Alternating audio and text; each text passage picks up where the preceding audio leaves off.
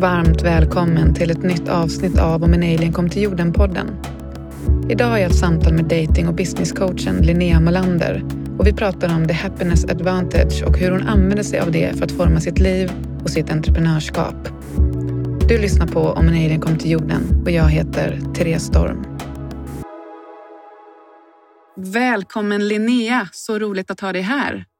Tack! Ja, det här känns jättekul. Du är coach på Happy Dating och har precis också slagit upp dörrarna för Happy Business och har coachat tusentals genom åren. Jag blir så nyfiken på din personliga resa dit och om vi tar det från början, vad drömde du om som liten att jobba med som vuxen? Det jag minns, jag vet inte hur seriöst jag tog de drömmarna, men jag, jag drömde om att stå på scen. Eh, alltså teater, skådespeleri och så. Och så här i efterhand så tror jag mer att det var liksom det enda som mitt barn jag kunde sätta ord på för att liksom synas och göra skillnad. Det var kanske inte nödvändigtvis att stå på scen som var grejen utan det här med att nå många människor. Och, den, och jag har provat både och. Jag har gått liksom musikalartistutbildning, är världens musikalnörd och liksom har testat hela den stå på scen-biten. Och det var så mycket svårare. Jag fick inte klick och flow i det. Det var bara jag var tvungen att anstränga mig fruktansvärt mycket. Liksom. Och sen kom jag in på personlig utveckling och coachingbiten och eget företagande och där har det liksom bara flowat. Och även coachande handlar precis som teater om att förstå människor, förstå varför vi agerar som vi gör. Att, liksom, att följa en människa i en film eller en pjäs är på många sätt som att följa en människa i en coachingprocess. Liksom. Mm. Så jag mm. tror att um, den här längtan efter att förstå människor och att connecta med människor det är liksom mina vuxna ord på det. Men som barn var jag kunde säga, åh, skådespeleri verkar kul. Liksom. Mm. Ja, men vad mm. fint. Jättefint. Ja. Om eh, utomjordiskt liv skulle komma till jorden, vad tror du de skulle säga om oss människor då? Att vi verkar väldigt stressade. Mm. Och lite ledsna. Mm. Vi har, vi har sådana möjligheter och sån potential och så mycket vi skulle kunna skapa tillsammans. Och ändå så är det så mycket bråk och även där det inte är bråk är ganska många rätt ledsna. Jag tror det skulle se rätt konstigt ut. Förstår du hur jag menar? Ja. Och ifall de fick möjlighet att kommunicera med oss, tror du att de hade uttryckt det här på något sätt? Eller vad tror du de hade gjort då? Ja, det beror ju på vilka de är. De kanske också sitter och ledsnar på sin planet. Tänker att titta, här passar vi in. Eller så är det glada aliens som sjunger och dansar och hånglar, efter sockerbad och skapar meningsfullhet och hjälps åt för varandra. Liksom. Och då skulle de nog tycka att det här såg jättekonstigt ut som, som vi håller på med i alla fall delar av oss liksom, i mänskligheten. Och om de får jag hoppas att det är snälla aliens som kommer och att de då kunde hjälpa oss lite. Mm. Mm. Tack. Tack för det. I, eh, I dagens samhälle har vi en tendens att titta på personens omvärld. Vad vi har för jobb, hur mycket pengar vi tjänar, vad vi omger oss med, hur många likes vi får och så vidare. Och tro att vi liksom kan skapa oss en bild av hur lyckliga dessa personer är baserat på det. Mm. När jag nördade ner mig lite i lyckoforskning så förstod jag att om vi känner till allt omkring en persons yttre värld så att säga, så kan vi bara förutse ungefär 10 procent av deras långsiktiga lycka. Mm. Då innebär det alltså att 90 procent av vår lycka inte är baserad på vår yttre värld utan på vår inre värld och hur vår hjärna processar världen. Kan inte du berätta mer om det här och det som kallas för the happy advantage och hur du använder dig av det i ditt liv och i ditt företagande? Absolut, det här är ju superspännande och det bygger därför liksom mina företag heter Happy Dating, Happy Business för att lyckoforskningen är grunden och det är ju vad jag är utbildad inom, vad jag har liksom tagit examen i, vad jag har studerat. Så här, lycka på högskolenivå. Liksom. Och det, mm. det jag lärde mig där har ju fått lägga grunden för hur jag lever mitt liv och hur jag arbetar och driver mina företag. Um, och det är de där 10 procenten då som eh, består av de yttre omständigheterna. Jag tror den här forskningen har blivit lite ifrågasatt i efterhand, men i alla fall när jag lärde mig det så var 50 procent var genetiskt. Mm. Så att det är inte att 90 procent är bara vad du tänker utan 40 procent blir kvar då som vi kan påverka genom våra tankar och beteenden. Vilket fortfarande, och vi kan ju påverka de yttre omständigheterna i viss mån också. Och det går inte riktigt att göra ett blodprov för att ta reda på om du har bra lyckogener eller inte. Liksom. Men det är ändå 40 procent är en väldigt stor del som du verkligen kan påverka. Och kan man se lycka och välmående som en färdighet motsvarande fysisk kondition, någonting som du kan lära dig och prioritera och, träna upp, så kommer du få oerhört spännande effekter av det. Ehm, för någonting som jag fascineras av att vi ofta ser lycka som så slutmålet. Att så här, mm, man vill vara glad. Liksom. Och det är klart man vill. Det är, det är klart att det feels good to feel good. Liksom. Men det som jag tycker är så häftigt med lyckoforskningen är att vad som händer när vi mår bra. För det påverkar hur hjärnan fungerar på väldigt avgörande sätt. Och det är det den här The Happiness Advantage handlar om. Att när vi mår bra så är vi mer kreativa, vi är mer sociala, vi hittar nya lösningar, vi är mer eh, liksom drivna eh, och, och liksom naturligt nyfikna på att lösa problem. När du mår dåligt så är du väldigt fokuserad på det problemet. Det är svårt att liksom vara väldigt kreativ och generös samtidigt som du måste hantera någonting som gör ont inuti dig. Så om, du, om din grundnivå är att du mår bra så kan du skapa oerhört mycket både för dig själv och för andra människor utifrån det. Och det här är ju ofta alltså det är ju tvärtom mot hur vi brukar se. Vi tänker att när jag har gjort de coola grejerna, då kommer jag bli glad. Mm. Men forskningen visar att det är väldigt ofta precis tvärtom. Att när du mår bra, då kan du skapa riktigt coola grejer både i ditt liv, eller i ditt företag eller i dina relationer. Det tycker jag är riktigt häftigt. Varför tror du att vi människor liksom har vänt på den här formen till lycka? Att vi först måste göra saker för att sen bli glada istället för att skapa glädje och sen i det skapa framgång? Det finns massor av skäl till det. Dels rent kulturellt. Vi har en liksom, ett, ett eh, marknadsföringssystem som säger köp de här grejerna så blir du glad. Som vi matas med hela tiden. Se ut så här så blir du lycklig. Det stämmer ju inte, men vi matas ju av det budskapet hela tiden. Men också lyckoforskningen är jätteny. Vi hade inte den här informationen mm. för bara liksom 25 år sedan. Eh, det, det hänger jättemycket på liksom att vi har kunnat göra scannings av hjärnan och se så här, vad händer i vilka delar av hjärnan när vi mår på olika sätt. Och den här forskningen existerade liksom inte tidigare. Och istället så har vi haft en, en idé om att liksom hårt arbete är bra och man ska kämpa sig fram till bättre saker och vila kan man göra på lördag liksom, när man har jobbat färdigt. Och sen nu då när den här forskningen finns så handlar det jättemycket om att sprida den, att folk faktiskt får veta, så jaha, men jag blir mer framgångsrik om jag vilar först. Vilket ju är så himla logiskt. Att det är mycket lättare att åka på roadtrip om du tankar innan än om du tankar efter. Ja. Liksom. Um, och det är jättemånga sådana grejer som är så här, helt bakvända i förhållande till hur vi gör, men när man säger det högt så bara, ja men mm. gud, det är klart att det är så. Jag har ju bevis här på att jag har inte blivit långsiktigt lyckligare hur många handväskor jag än har köpt. Förmodligen kommer jag inte bli lycklig av nästa mm. handväska heller. Jag måste titta någon annanstans. Liksom. Men när man är fast i det här gamla sättet att tänka så, så liksom, det är svårt att fånga de här sanningarna. Då. Men när man ser dem är det så tydligt. Och när man provar så får man liksom svart på vitt direkt. Att men, det här funkade faktiskt bättre och det kändes mycket bättre. Mm. Ja. Vad, vad är det för skillnad på kortsiktig och långsiktig lycka? Skillnaden är lite som att ställa frågan så här, hur mår du just nu i stunden?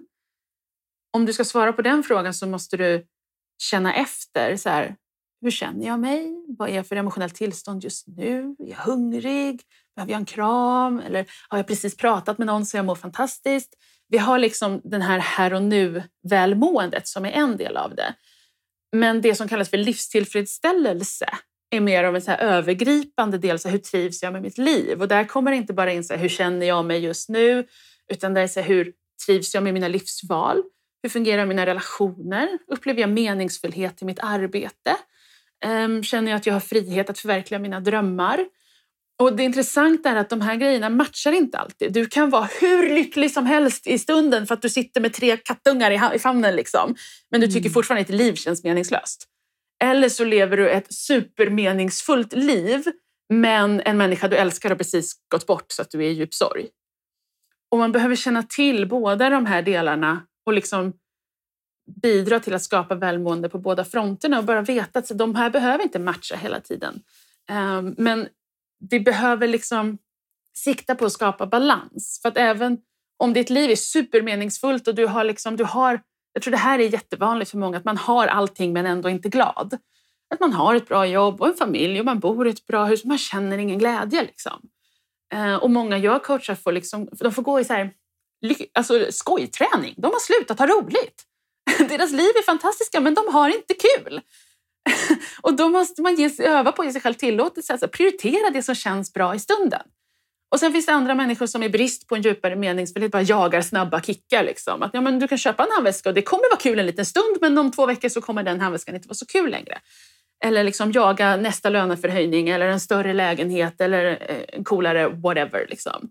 Men det blir ett sånt jäkla jagande om du inte också kan känna att det finns en grundläggande meningsfullhet och liksom en grundton av välmående i ditt liv. Kan man alltså då säga att eh, en del behöver jobba på sin kortsiktiga lycka och en del behöver jobba på sin långsiktiga lycka? Eller att alla behöver jobba på båda. Alltså, jobba på låter hårt, men var medvetna om. Eh, för jag tror, om man bara är medveten om de här två begreppen så kan man ganska snabbt här, se var man behöver fylla på lite om man behöver göra det. Eh, men också man kan se vad man har. Så, men de här delarna i mitt liv de ger mig den här långsiktiga tillfredsställelsen. Och veta att så här, men jag vet ju precis vad som gör mig glad i stunden. Jag har bara glömt bort att göra det den senaste månaden. Så att man kan liksom göra en inventering av sitt liv mm. på, ett, på ett lite annat sätt. Att man vet vilka knappar man kan trycka på för att skapa mer av det man vill ha mer av. Och det här hänger väl kanske lite ihop med den här äh, normen och kulturen då vi kanske har av att man ska jobba hårt, tänker jag. Att vi ska njuta sen. Eller vad tror du? Ja, ja. och den är så bakvänd. Alltså jag har ju fått öva ordentligt på att vända om de här grejerna. Och det började redan när jag satt, det var nästan ironiskt, jag satt och pluggade till en tenta på högskolan om just positiv psykologi och liksom satt och studerade den här forskningen. Och så fick jag liksom inte in kunskapen i huvudet. Du vet när man sitter och läser en bok och så får man läsa samma sida fyra gånger för att fastna inte. Och jag bara, det här, det här går ju inte, men jag har tenta om två dagar, vad ska jag göra? Så, men om jag gör det som faktiskt står i boken, att jag går och fikar med en kompis nu. Jag testar det. Kändes helt bakvänd, för jag har också alltid varit så här, duktig flicka, kämpa, hur det känns spelar ingen roll. Så liksom, ja, men, om jag nu lever lite som jag lär här och provar det som står i boken. Så gick jag, ringde en kompis och bara, ska vi ta en fika? Så gjorde vi det. Två timmar senare kom jag tillbaka till studieböckerna och det gick hur bra som helst att plugga igen. För att hjärnan hade liksom öppnat upp sig av att jag hade tagit en liten paus och haft det trevligt mm. ett par timmar. Och jag var så här, det här går emot allting jag har lärt mig och varit med om i livet hittills. Men uppenbarligen funkar det. Och sen så började jag liksom, inte bara när jag pluggade utan med alla utmaningar i livet, att först fylla på med glädje. Och nu är det så jag, jag driver företag. Liksom. Att jag får ingenting gjort om jag inte är glad. Och det jag får gjort blir inget bra. Det är inte av värde till någon att jag sitter och skriver något när jag är arg eller bara forcerar fram någon idé bara för att jag måste. Det är, det är inte trevligt. Liksom. Det är inte det jag har att erbjuda till världen. Men om jag från en punkt eller en plats i mig själv där jag känner mig påfylld och nöjd och tillfreds och fylld av glädje och med den entusiasmen kan dela. Hörni, det här vill jag berätta. Det är ju någonting helt mm. annat att få lyssna på. Ja. Om det är någon som lyssnar nu som verkligen så här man verkligen känner att wow, det här är någonting som tilltalar mig. Vad, eh, finns det någonting som du skulle vilja skicka med till de personerna kring vad, om man står och känner att det här, det, här, det här är någonting för mig, så här vill jag leva mitt liv, men jag vet inte var jag ska börja. Vad skulle du vilja säga till den personen? Jag tror jag, jag satte ord på ett, ett lifehack häromveckan med var man ska börja. För jag inser att någonting som jag har gjort i typ hela mitt liv när jag har fått det, varit precis den där känslan som du beskriver. Så det här vill jag veta mer om, var ska jag börja? Läs tre böcker om ämnet. Gå till biblioteket och så lånar du tre böcker om ämnet. Jag nördade ner mig på poker i höstas. Gick till biblioteket och lånade tre böcker om poker. Och de där tre böckerna höjer grundnivån så himla mycket. Nu senast blev jag nyfiken på att investera på börsen. Jag läste tre böcker om ämnet och vips så hade jag jättemycket kunskap. så läs tre böcker om lyckoforskning utan några krav på att du ska förändra ditt liv liksom, just den här veckan. Bara skaffa dig lite kunskap. Eller gillar du inte att läsa, kolla upp, sök på Youtube. Alltså det finns experter på allt på Youtube som har så tio minuters klipp om varenda ämne. Nörda ner dig lite på ett ämne så kommer du märka att så, hmm, här är någonting som fyra helt olika personer har, har nämnt allihopa. Jag kanske börjar med det. Mm, fint, tack för det. Normen idag är att vara anställd jämfört med att starta företag. Och ur den normen problematiserar vi såklart också saker och ting. Mm. Vad är det jobbigaste med att driva eget? är en fråga som du ofta får från folk som är nyfikna på att starta eget. Och då brukar du vända på steken och ställa frågan, vad är det jobbigaste med att vara anställd? Vad tror du att en alien hade sagt om hur vi ser på det här med att vara anställd versus egen företagare? Ja, det, det beror väl lite på vad, vilken anställd och vilken egenföretagare. Men jag tror nog att en alien hade, hade reagerat på det här med att vi sitter inomhus i små rum väldigt mycket när vi är anställda. det, jag känner mig ganska mycket som en alien när jag tittar på folk som är anställda och det har ju varit ett skifte från mig. Att, att liksom gå så långt från normen att jag är så här, jobbar du på kontor? Gud så exotiskt, berätta mer! Du får alltså aldrig se dagsljus, hur funkar det? Så en smula raljerande, men så exotiskt tycker jag att det är. Så här, du, måste, du måste be någon om lov för att få en ledig dag. Hur, hur funkar det liksom? Um, jag tycker det är jättekonstigt, men så är det ju alltid med normer. att Man, man är så liksom, man ser inte, fisken ser inte vattnet. Mm.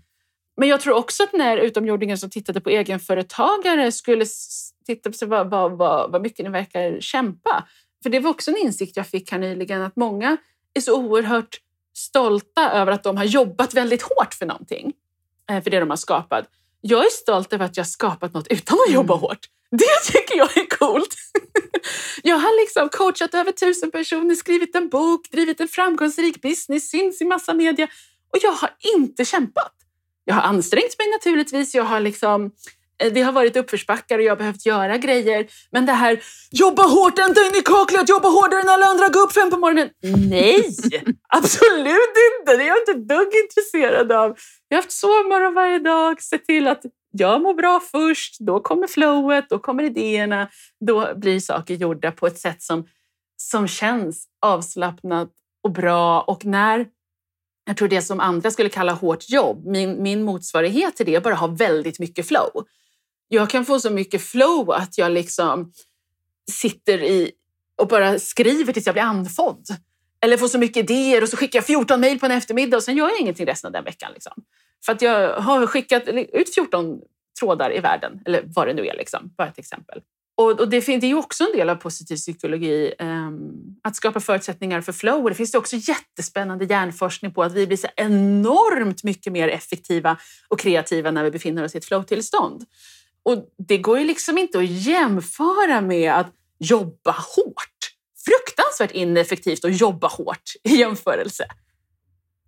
Och när man hittar, liksom, låser upp de här nycklarna i hur det mänskliga psyket faktiskt funkar, att säga, ha, glädje är en nyckel för ökad kreativitet och fokus och effektivitet, flow är en annan och så börjar man förvalta dem, ja, men då blir det en ganska häftig snöbollseffekt av det. Så därav tror jag att det är ju också normbrytande att driva företag på ett glädjefyllt, flowigt sätt.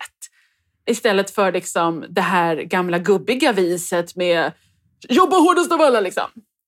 Och det tror jag också den där utomjordingen hade reagerat på. Att eh, vi verkar kämpa rätt hårt för sakens mm. skull ibland. Ja, det finns en prestige i det. Ja, precis. Och räkna timmar är en konstig grej. Ja, alltså för det var någonting också som jag såg att du skrev häromdagen, det här spektakulära sammanträffandet, att alla jobb går att göra på exakt samma arbetstid av exakt alla människor. Ehm, varför är vi fast i den här fällan tror du med att fokusera på arbetstid istället för resultat? Alltså det är ju effektivt för den som äger företaget. Ehm, det är också om vi tittar på större samhällsnivå så är det ju, är ju människor, alltså stressade människor är ju mer lättmanipulerade. Det är ju livsfarligt om alla ska börja gå sin egen väg och känna efter. Så, så kan vi ju inte ha det, tycker vissa. Du blir ju jättedålig konsument om du ska gå runt och vara nöjd med livet och ha roligt. Liksom. det, det går inte ihop. Men om du är så stressad att du inte hinner känna efter eller tänka efter eller fundera på vad du drömmer om, ja, men då kommer du ta, in det, ta till dig av liksom de budskap du matas med.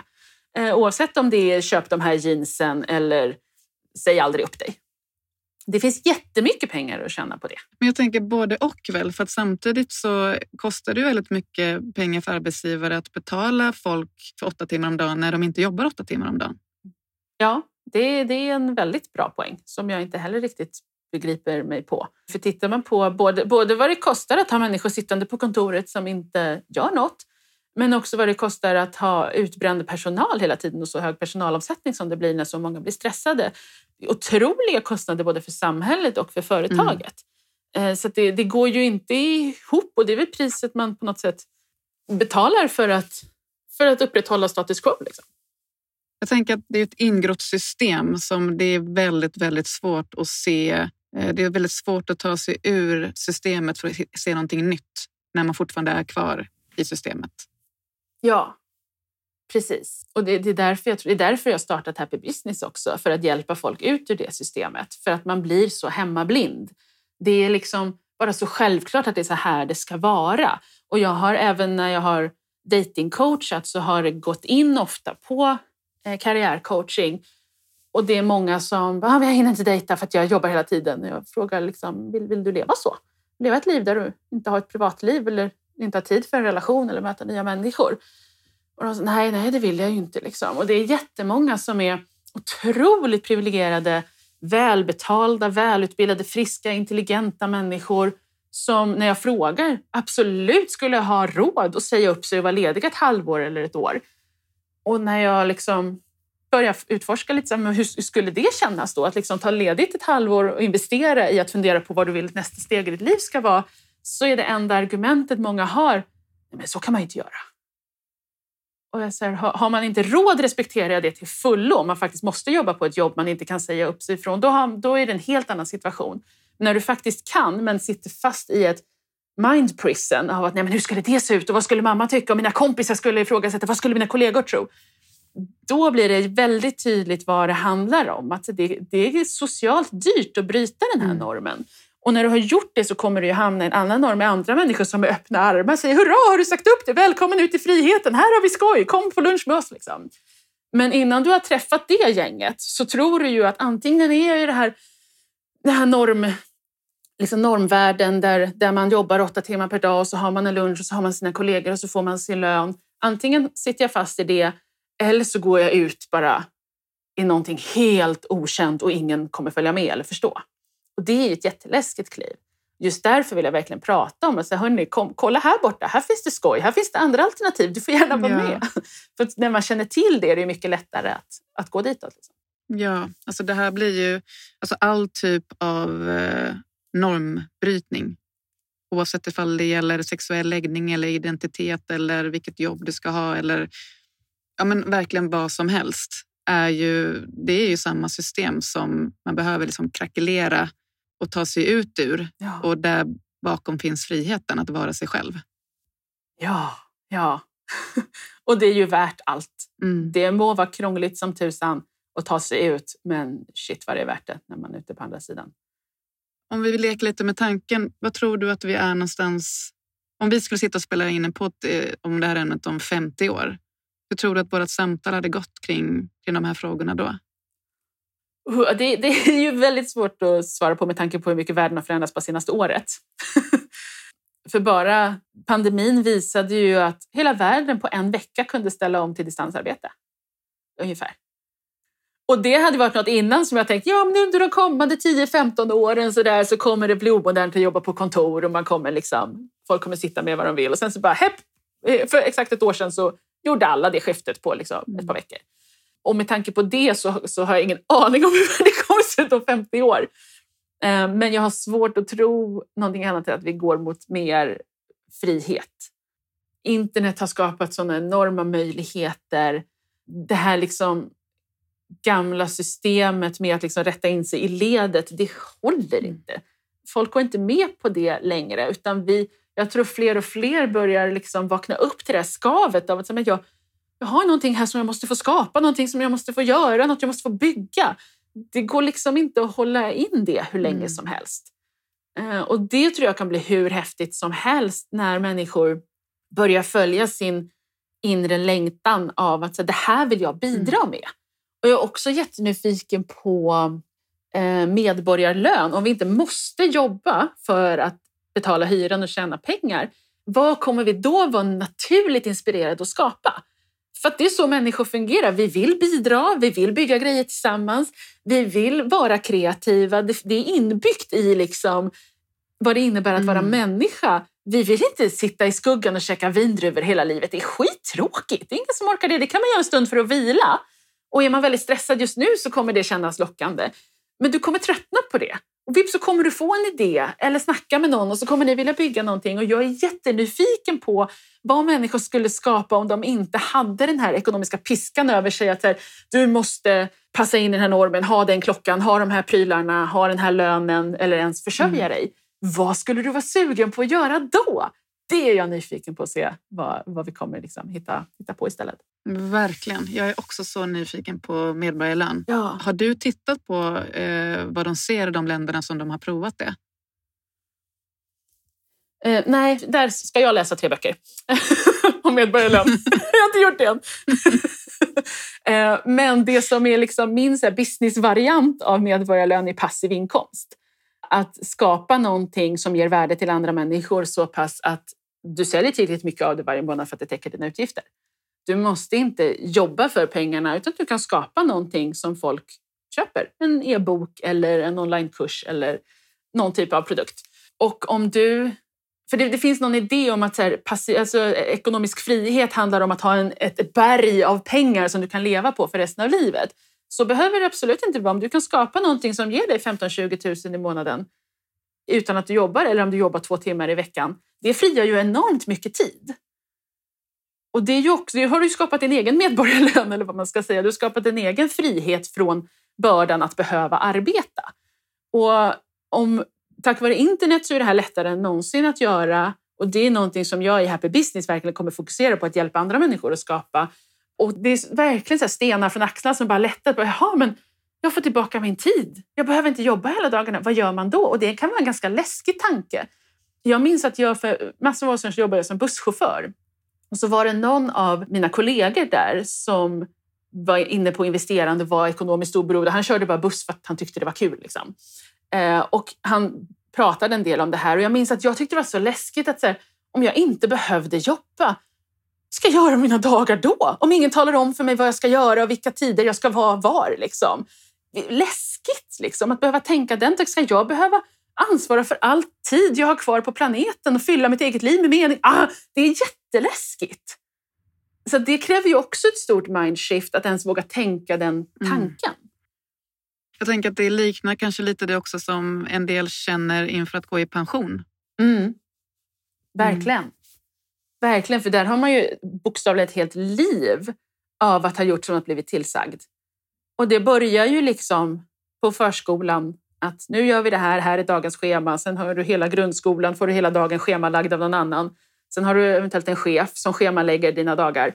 Och sen plötsligt får du göra vad du vill. Du har aldrig någonsin tränat på det eller kanske inte ens ställt frågan vad vill jag? Verkligen. Det är jättelätt hänt att det bara blir vakuum. Liksom. Så vi behöver ju öva på att sluta tänka vad borde jag, vad vill andra, vad förväntas av mig och börja ställa frågan inåt. Vad, vad längtar jag efter? Vad vill jag? Vad skulle kännas nice mm. för mig? Och när man kommer över den här liksom läskigheten i det så bara, men gud, det finns ju så mycket mm. häftigt. Vet du vad jag tänker på nu? Jag tänker på det här lilla klippet på den här lilla tjejen som ska gå till förskolan. Ja. Alltså hon är ju så god vad hon säger. Man får aldrig vara i fred och man ska till förskolan och man gymnasiet och högskolan och sen ska man jobba ja. och man får aldrig vara i fred. vad är det hon säger? Exakt. Ja, men precis. Högskolan och universitet. Man får ju aldrig ens vara i fred någon gång. Klockrent. Precis Är det ditt spirit animal, den lilla tjejen? Alltså jag älskar henne. Hon är precis lika vresig och vrång som jag vissa dagar. Vad håller vi på med liksom? Och hon har ju sett igenom systemet. Förhoppningsvis så, så fortsätter hon så. Ja. För de fler det fortsatte tänka så så skulle det ju verkligen mm. bli skillnad. Jag tror det skulle funka hur bra som helst. Det kan bli lite snurrigt under en övergångsperiod men det skulle funka hur bra som helst. Men det är just det här med liksom upp, alltså upp, vilket system det än är, vare sig det är ett datasystem som redan existerar eller ett samhälle eller vad som helst. Att det, att det blir så svårt för vår hjärna att, att tänka om från grunden. Vi utgår ju alltid från det systemet som vi då ser framför oss. Ja. Hur, hur kan vi göra för att komma runt det? Jag tror jättemycket på att hitta förebilder, hitta andra som redan har gjort det.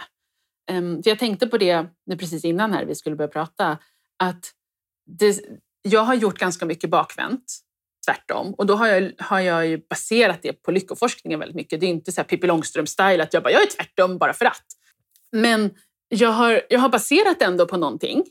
Um, och sen så har jag varit jättenoga med att att hitta förebilder på andra människor som också lever på andra sätt. Och det jag har insett så här i efterhand är att det svåra är ju inte att göra grejerna på andra sätt. Jag gör det mesta på ett ganska enkelt vis. Det svåra är att, att liksom hitta fram dit och att ge dig själv tillåtelse. Det jobbiga är att gå mot strömmen, att vara konstig, känna sig annorlunda. Det är jobbigt. Att faktiskt ha sovmorgon varje dag, det är ganska nice. Men du kommer känna dig jättekonstig. Och när du pratar med andra som lever jättestressiga liv så kommer du kanske få lite underliga blickar, underliga kommentarer. Och för mig har det varit en ganska lång resa. I början när jag liksom startade mitt första företag och var så här, jag ska ha välbefinnande först. Och liksom, folk bara, okej, okay, lycka till Linnea. Liksom. Det lät inte helt trovärdigt. Och jag, jag hade ju ingenting to show for it. Jag hade inga, in, inte tjänat några pengar, jag hade inga kunder. Jag hade någon idé och någon jäkla lyckobok som jag gick och viftade upp i nyllet på folk. Liksom. Det såg så där ut. Nu så här nästan tio år senare så kan jag ändå gå i god för att det här funkar ganska bra. Det är inte bara någon idé jag har utan jag har, eh, jag har testat det ganska ordentligt. Det funkar väldigt bra. Eh, och det är därför också jag känner mig redo att starta Happy Business och lära andra hur, hur man kan göra. Eh, men, men den resan från att och så är det väl alltid. liksom. First they will call you crazy and then you, they will ask you for advice. Liksom. det kommer en tipping point. ja, verkligen. Mm. Ja. Men vad heter det, sovmorgon är ju någonting som du gillar. Finns det någonting annat som, som du har som din personliga liksom, rutin eller ritual som du gör varje dag för att liksom, känna din längtan och, och skapa glädje? Jag tror en viktig sak är att jag har gott om tid i mitt liv så att jag hinner känna efter. Jag värdesätter så oerhört högt att jag inte behöver stressa. Att jag har tid att känna efter, jag har tid att ta beslut, jag har tid att fundera på vad jag vill. Och den tidssparande effekten av att först ta lång tid på dig att liksom fundera och sen gå till, åt rätt håll på första försöket är enorm. Mm. Förr så tog jag mig inte den tiden utan jag sprang runt och så bara knackade jag på alla dörrar och det fanns alltid något bra bakom någon dörr. Liksom. Och nu så sitter jag i lugn och ro och sen går jag direkt till den dörren som jag ska knacka på. Och det kan se ut som att det är ganska mycket bara sitting around och göra ingenting. Men effekten av det och det man får tillbaka är häpnadsväckande. Mm. Det är så häftigt att verkligen hinna reflektera över sina beslut och bara göra de grejerna som känns bra i magen. Och det här är ju också någonting om att kika på normen. Tid är ju en akut bristvara. Om du inte hinner ta beslut och säga vad, vad vill jag äta? Ja, men då kommer du köpa en varmkorv på Pressbyrån och säga, ja, men vad ska jag? Ja, men vi tar den här och nu hittar jag inte pjäxorna, vi köper nya liksom. Istället för att, men jag vet vad mitt liv innehåller. Okej, nu blir det dags för ett nytt steg. Då funderar jag på vad det är. Att kunna hålla det tempot är något jag värdesätter så oerhört högt. Mm. Gud vad fint. Så man kan säga att din rutin är eh, att ge dig själv tid. Ja, ja, och jag har ju gjort vissa val som möjliggör det. Jag vill till exempel inte ha barn. Har man barn är det mycket svårare att sitta still och tänka efter. Eh, men också, det finns massor av annat som jag har valt bort och det skapar också tid. Jag har funderat på vad jag vill men jag har också funderat på vad som inte mm. är för mig. Och det gör att jag inte blir bombarderad av massa grejer. Jag måste inte, när, ganska mycket FOMO som försvinner. För att jag behöver inte klicka på alla annonser och gå in i alla affärer och undersöka alla möjligheter. För det är ganska mycket som jag vet att nej, men det där är jag inte mm. intresserad av. Och det skapar så mycket utrymme. Från den här stunden när du satt tillsammans med din gamla kollega, busschauffören och kände, men vad ska jag liksom göra med all den tiden?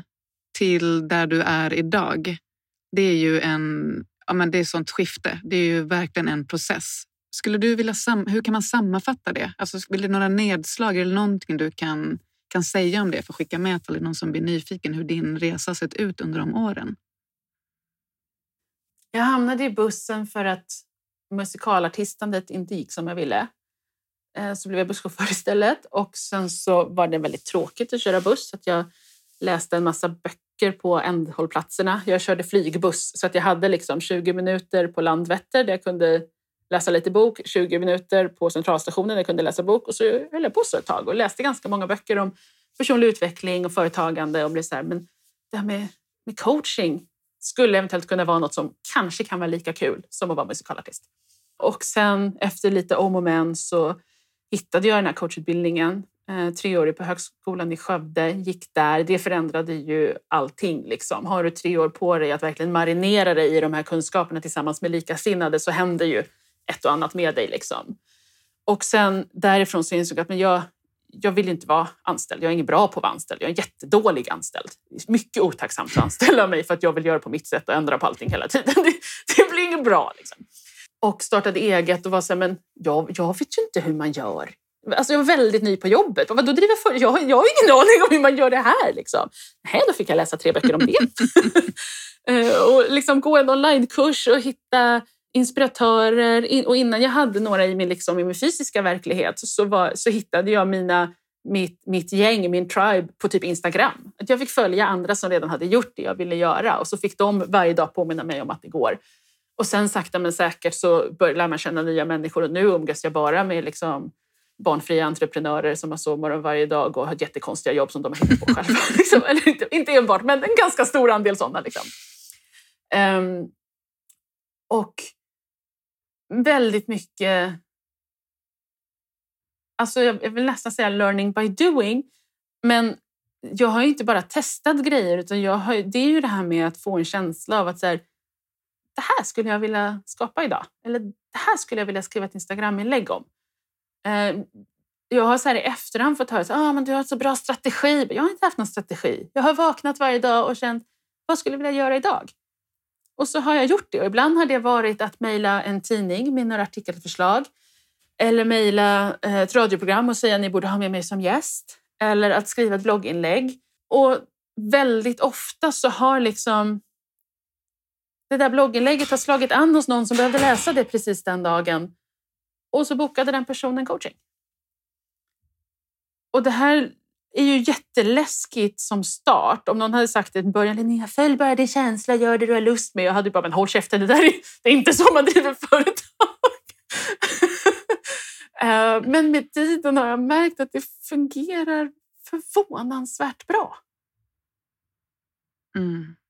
Och ifall den här lilla flickan som drömde om att stå på scenen, ifall du kunde liksom gå tillbaka i tiden och eh, träffa henne, vad, vad skulle du vilja säga till henne? Oj. Um, att hon är väldigt klok.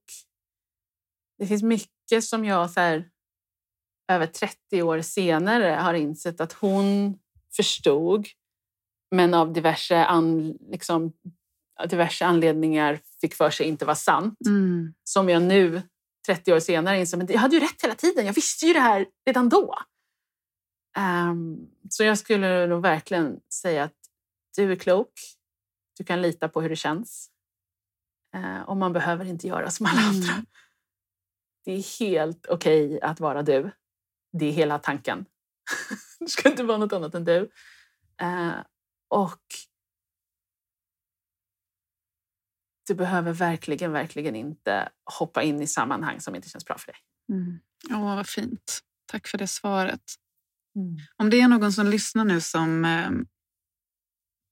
nej, som tänker lite nu kring eh, lyckoforskning och positiv psykologi men som själv har eh, erfarenhet av mycket psykisk ohälsa och känner att så här, ja, mm. ja, det låter ju skitbra men liksom, det, det funkar, kommer inte funka på mig. Vad, eh, vad skulle du vilja säga till den personen?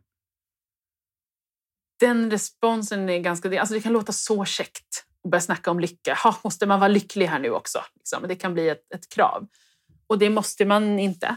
Och det är inte läge att fokusera på det i alla situationer. Utan det är som att om psykisk ohälsa är mer som på gymmet att gå till en sjukgymnast och sen så är lyckoträning styrketräning. Liksom.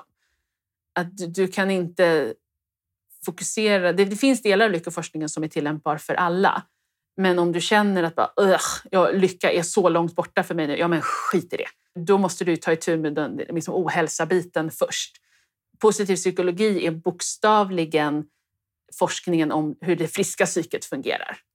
Så att, för det finns hur mycket psykologisk forskning och kunskap som helst om alla diagnoser och sjukdomar. Och det är liksom en separat del på liksom det psykologiska vetenskapens träd.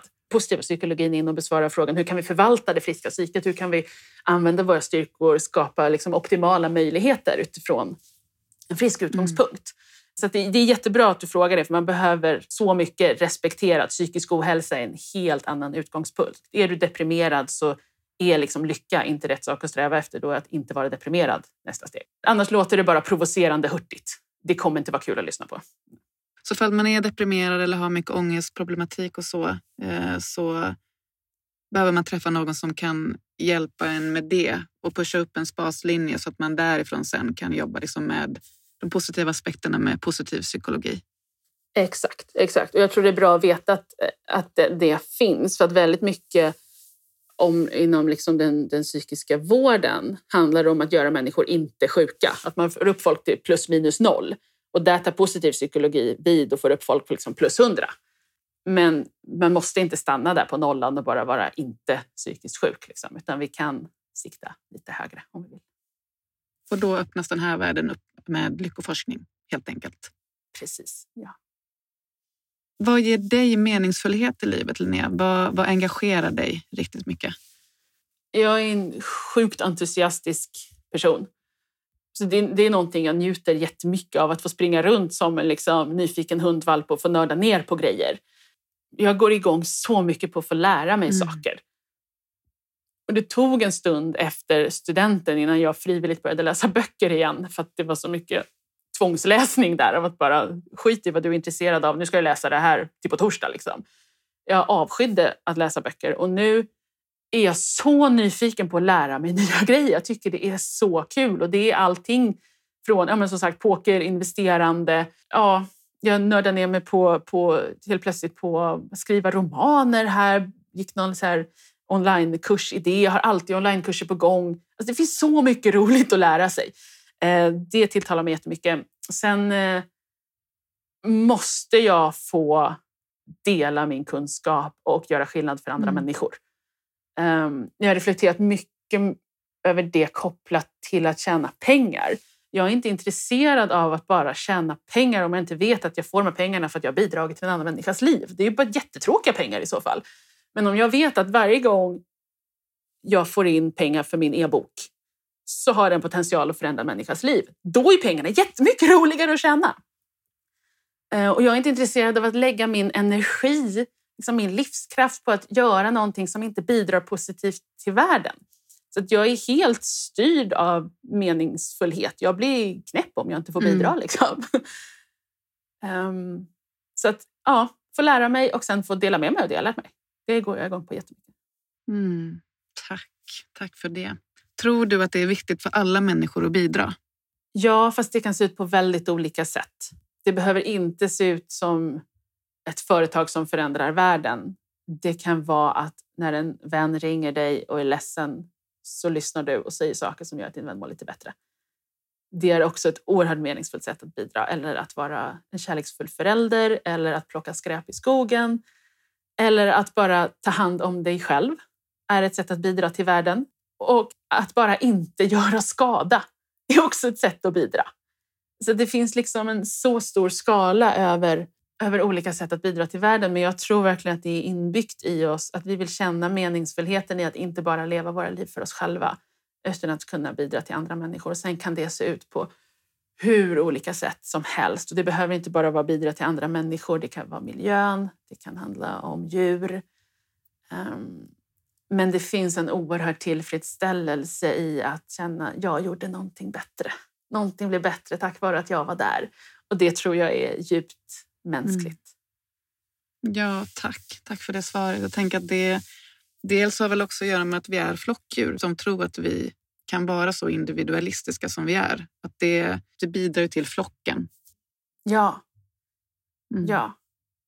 Är det något mer som du skulle vilja lägga till Eh, Linnea, för att liksom knyta ihop säcken kring det som vi har pratat om nu?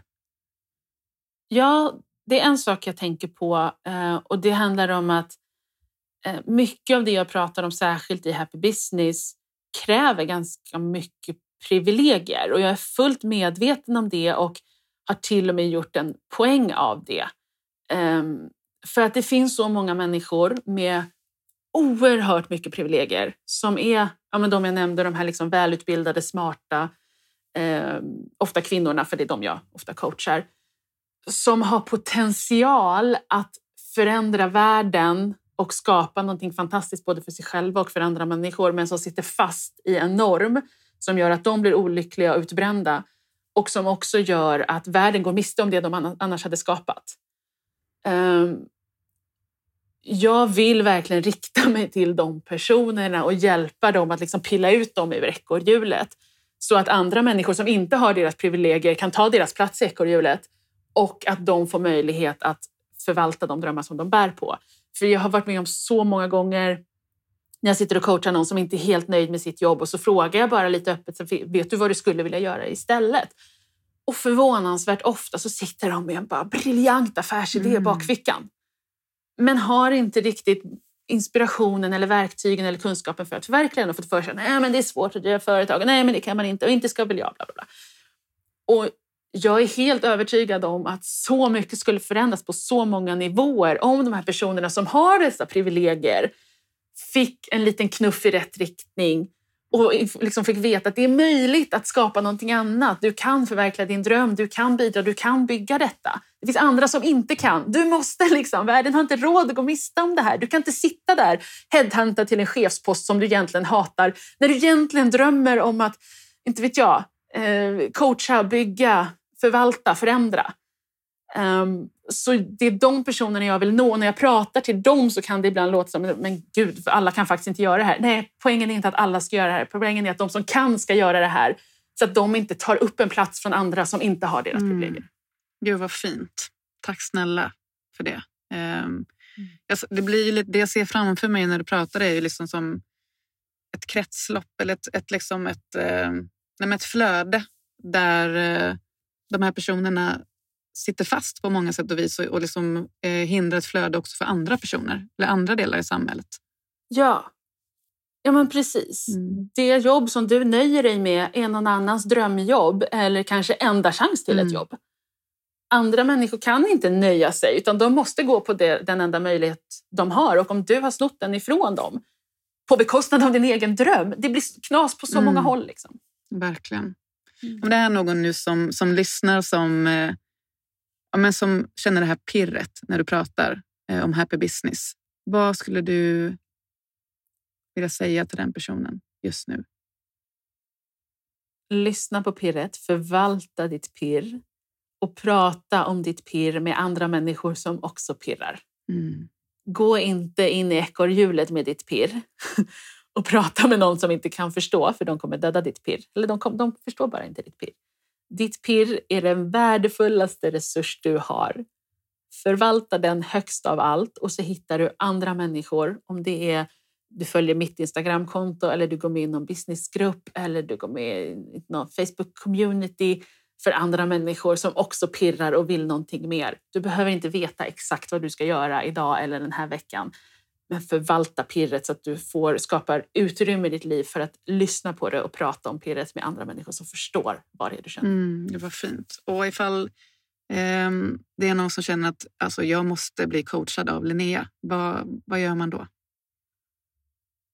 Då går man in på happybusiness.se eh, och fyller i kontaktformuläret. Eh, och det är happy-business för att den andra adressen var redan knyckt av någon annan. Happy business. Men börja med att följ, följ mig på Instagram. Gillar du det du läser där, läs på hemsidan och hör av dig så ordnar vi detta. Fint. Mm. Um, nu har vi kommit uh, till slutet och jag har ju några frågor här som jag brukar ställa till alla gästerna. Och um, Den första är vilken norm skulle du vilja ändra på Linnea och varför? Det finns så många. Um, en är det här med att räkna timmar istället för resultat. Som är helt förödande för alla människor som är lite snabba. För då får man mindre betalt för att vara mer effektiv. Så kan vi inte ha det. vi, vi, kan inte hålla på så. Liksom. inte för alla i alla fall. Det finns sammanhang där det är rimligt att räkna timmar men det finns också sammanhang där vi måste förvalta människors förmåga och kapacitet bättre mm. än så. Um, så bör, bör, om vi får betalt för det vi skapar istället för hur många timmar det tog Ehm, det skulle förändra väldigt mycket både för individer och för eh, företag och på samhällsnivå. Ehm, en konkret sak, en lite mer abstrakt grej är den här idén om att folk har sin shit together. Vi tror att alla andra har koll på läget.